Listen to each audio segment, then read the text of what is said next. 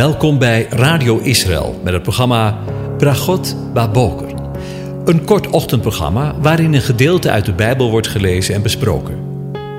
Met Bragot Baboker wensen onze luisteraars zegeningen in de ochtend. Presentator is Kees van de Vlist.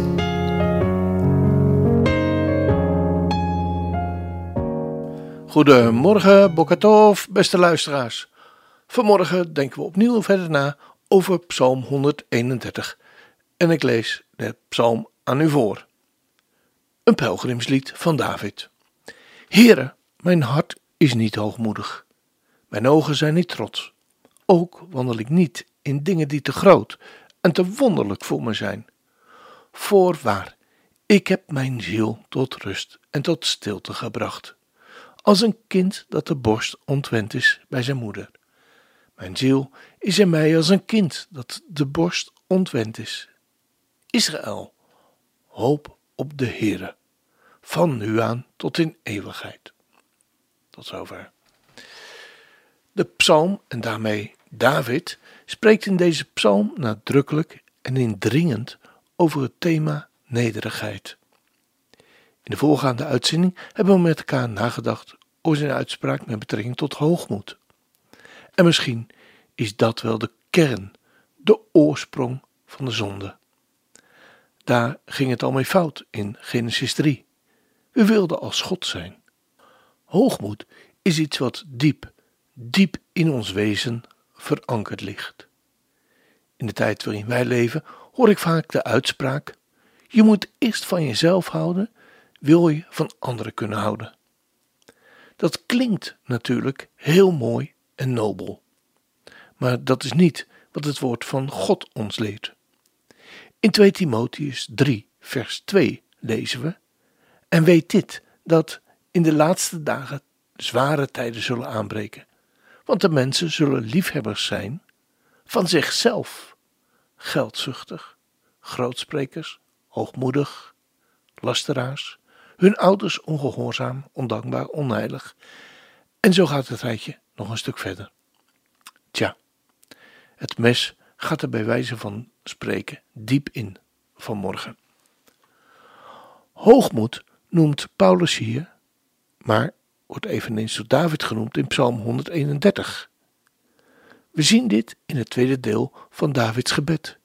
Mijn ogen zijn niet hoogmoedig, hoog van gemoed of hooghartig. Het woord voor hooghartig in dit vers betekent verheven of verheven worden. Het werd vaak gebruikt om alleen een voorwerp op te tillen. Bijvoorbeeld Mozes, die zijn staf ophief. In het boek Exodus, 7 vers 20 lezen we daarover. Het is hetzelfde woord dat van de Heer wordt gebruikt in Jesaja 6 vers 1, waar Jesaja zegt, Ik zag de Heere gezeten op de troon, hoog en verheven en de zoom van zijn mantel vulde de tempel. Er is een goede opheffing van onze ogen, zoals we zagen in Psalm 121, waar we onze ogen opheffen naar de Heere. Ik hef mijn ogen op naar de heuvels. Waar komt mijn hulp vandaan? Mijn hulp komt van de Heere, de maker van hemel en aarde. Maar er is ook een verkeerde opheffing van onze ogen, waar we ze alleen opheffen om naar andere mensen neer te kijken. En dat is wat David bedoelt met hooghartige ogen, hier in Psalm 131. De dichter van de spreuken zegt: Er is een generatie die zijn vader vervloekt en zijn moeder niet zegent. Een generatie die rein is, en dan komt het, in zijn eigen ogen, maar van zijn vuil niet gewassen is. Een generatie, wat hebben zij een hoogmoedige oogopslag, waarvan de wimpers opgetrokken zijn. Hoogmoedige ogen zijn degene die andere mensen minachten en op hen neerkijken. Je kunt opkijken naar de Heer of neerkijken op andere mensen, maar je kunt niet beide tegelijk doen. Als het trotse hart te maken heeft met trots in relatie tot jezelf, hebben hooghartige ogen te maken met trots in relatie tot anderen. Dit is de trots die anderen voortdurend naar beneden haalt. Wanneer je jezelf constant vergelijkt met anderen, jezelf er telkens van overtuigt dat je beter bent dan anderen. Romeinen 12, vers 16 vertelt ons: wees niet trots, maar wees bereid om omgang te hebben met mensen met een lage positie. Of, zoals de herziende statenvertaling zegt, wees eensgezind onder elkaar. Streef niet naar de hoge dingen, maar hou je bij de nederige. Wees niet wijs in eigen oog. Dit kleine lied is ingeschreven omdat het als een echo is van het antwoord op 2 Samuel 6 vers 21, waarmee David de spottende opmerking van Michal afweerde toen hij voor de ark danste in een linnen efod en daarom niet in koninklijke kleding, maar in gewone kleding van de priesters. Hij zegt: Ik acht mezelf nog minder dan ik nu laat zien, en ik lijk laag in mijn eigen ogen. In het algemeen is David het model van de gemoedstoestand die de dichter hier uitdrukt. Hij duwde zichzelf niet naar voren, maar liet zich uit de afzondering voorttrekken. Hij nam de troon niet met geweld in bezit, maar nadat Samuel hem gezalfd heeft, gaat hij gewillig en geduldig de lange, doornige en omslachtige weg van diepe vernedering af totdat hij uit Gods hand ontvangt wat Gods belofte hem verzekerd had. Want de vervolging door Saul duurde ongeveer tien jaar. En zijn koningschap in Hebron ving pas aan in Hebron voor een periode van zeven en een half jaar. Hij liet het aan God over om Saul en Isbozet te verwijderen. Hij verliet Jeruzalem voor Absalom onderwerping aan Gods leiding, tevreden met wat hem was toebedeeld, zijn de kenmerkende eigenschappen van zijn karakter. David, de dichter van de psalm, houdt deze houding zichzelf en zijn tijdgenoten als een spiegel voor, namelijk aan het Israël van de periode na de ballingschap, dat in verband met een klein begin, onder moeilijke omstandigheden, nederigheid en tevredenheid was geleerd. En ook nu leven we in een tijd waarin een deel van Israël terug zien keren na eeuwen en eeuwen van ballingschap. En wat de toekomst zal brengen, daarover zijn we niet in het ongewisse, want het profetisch woord vertelt het ons in Jeremia 23. Wee de herders die de schapen met zijn weide ombrengen en overal verspreiden, spreekt de aanwezige. Daarom, zo zegt de Heere, de God van Israël, van de herders die mijn volk weiden. U hebt mijn schapen overal verspreid en verdreven, en u hebt niet naar ze omgezien. Zie, ik ga uw slechte daden vergelden, spreekt de Heer. Ik echter, ik zal het overblijfsel van mijn schapen bijeenbrengen uit al de landen waarin ik hen verdreven heb. Ik zal hen terugkeren naar hun schaapskooi, en zij zullen vruchtbaar zijn en talrijk worden. Ik zal over hen herders doen opstaan, die hen weiden zullen ze zullen niet meer bevreesd zijn en ontsteld zijn of gemist worden, spreekt de Heere. Zie, er komen dagen, spreekt de Heere, dat ik, dat ik voor David een rechtvaardige spruit zal doen opstaan. Hij zal als koning regeren en verstandig handelen. Hij zal recht en gerechtigheid doen op de aarde. In zijn dagen zal Juda verlost worden en Israël onbezorgd wonen. Dit zal zijn naam zijn waarmee men hem noemen zal. De Heere, onze gerechtigheid. Daarom, zie, er komen dagen, spreekt de aanwezige, dat men niet meer zal zeggen, zo waar de Heere leeft, die de Israëlieten geleid heeft uit het land Egypte. Maar, zo waar de Heere leeft, die het nageslacht van het huis van Israël geleid heeft, en die het gebracht heeft uit het land van het noorden en uit al de landen waarin ik hen verdreven had, zij zullen wonen in hun eigen land. Ja, zo mogen Psalm 131 ook profetisch zien en lezen. Dat Israël zich onderwerpt aan Gods leiding, tevreden met wat haar is toebedeeld.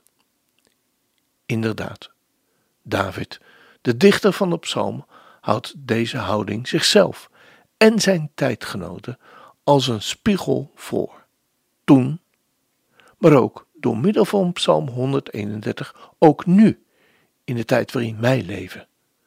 Namelijk aan het Israël van de periode na de ballingschap, dat in verband met een klein begin, onder moeilijke omstandigheden, nederigheid en tevredenheid wordt geleerd.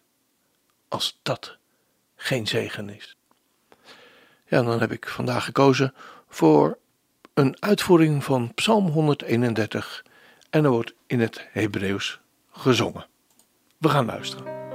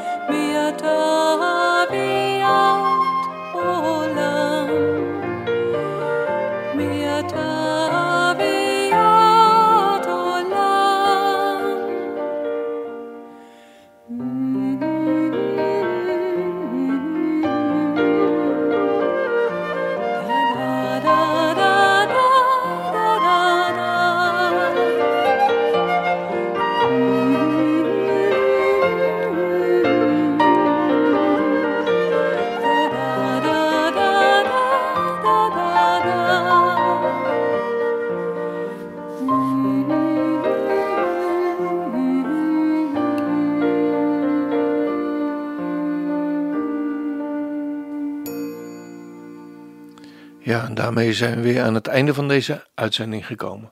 En wens ik u Gods zegen toe. De Heer zegent u en hij behoedt u. De Heer doet zijn aangezicht over u lichten en zij u genadig. De Heer verheffen zijn aangezicht over u en geeft u zijn vrede, zijn shalom. Amen.